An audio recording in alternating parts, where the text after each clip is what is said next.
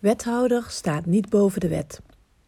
In de periode dat wethouder Van Dijk de campagne Zo Helmond start om onze inwoners te informeren over hoe zij toegang tot zorg en ondersteuning in onze stad krijgen, lezen wij in het Eindhovens Dagblad dat de gemeente Helmond de rechtszaak verliest die een zieke inwoner van Helmond heeft aangespannen om extra huishoudelijke hulp af te dwingen.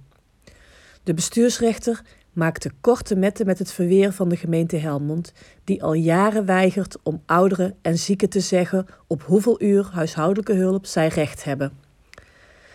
Het was wachten op deze dag. Want al sinds 2018 hebben tientallen gemeenten met dezelfde argumenten bakzeil gehaald bij rechters door het hele land. Eerder dit jaar werd ook de gemeente Zomeren, een van de peelgemeenten die hetzelfde beleid voeren als de gemeente Helmond, op de vingers getikt door de rechter. Het zogenaamde resultaatgerichte indiceren biedt voor inwoners te weinig houvast en is daarmee onrechtmatig.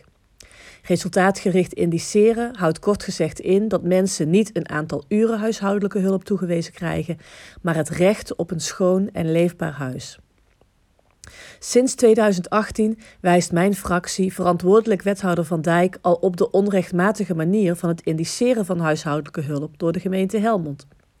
Het verweren van de wethouder was steeds dat de werkwijze van de gemeente Helmond op belangrijke onderdelen anders is dan bij andere gemeenten. En dat minister De Jonge een wetswijziging voorbereidt die resultaatgericht indiceren alsnog mogelijk maakt. Maar nu is dus ook Helmond teruggefloten door de bestuursrechter. En het is maar zeer de vraag of de wetswijziging er op korte termijn wel komt.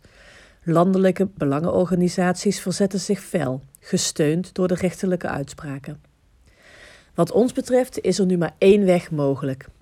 Per direct stoppen met deze onrechtmatige manier van werken. Daar heb ik het college dan ook toe opgeroepen eerder deze maand. Ik verwachtte daarvoor brede steun van alle raadsleden. Maar tot mijn verbazing las ik in het Eindhovens Dagblad dat een aantal partijen het helemaal niet vanzelfsprekend vindt dat de, dat de wethouder de uitspraak van de rechter respecteert. Men spreekt over falend rijksberuid en ruimte voor maatwerk. Wat mij betreft is het echter kraakhelder. Hoe falend rijksbeleid ook mag zijn, of hoe onrechtvaardig een uitspraak van de rechter ook voelt, in dit land staat niemand boven de wet. Ook een wethouder niet.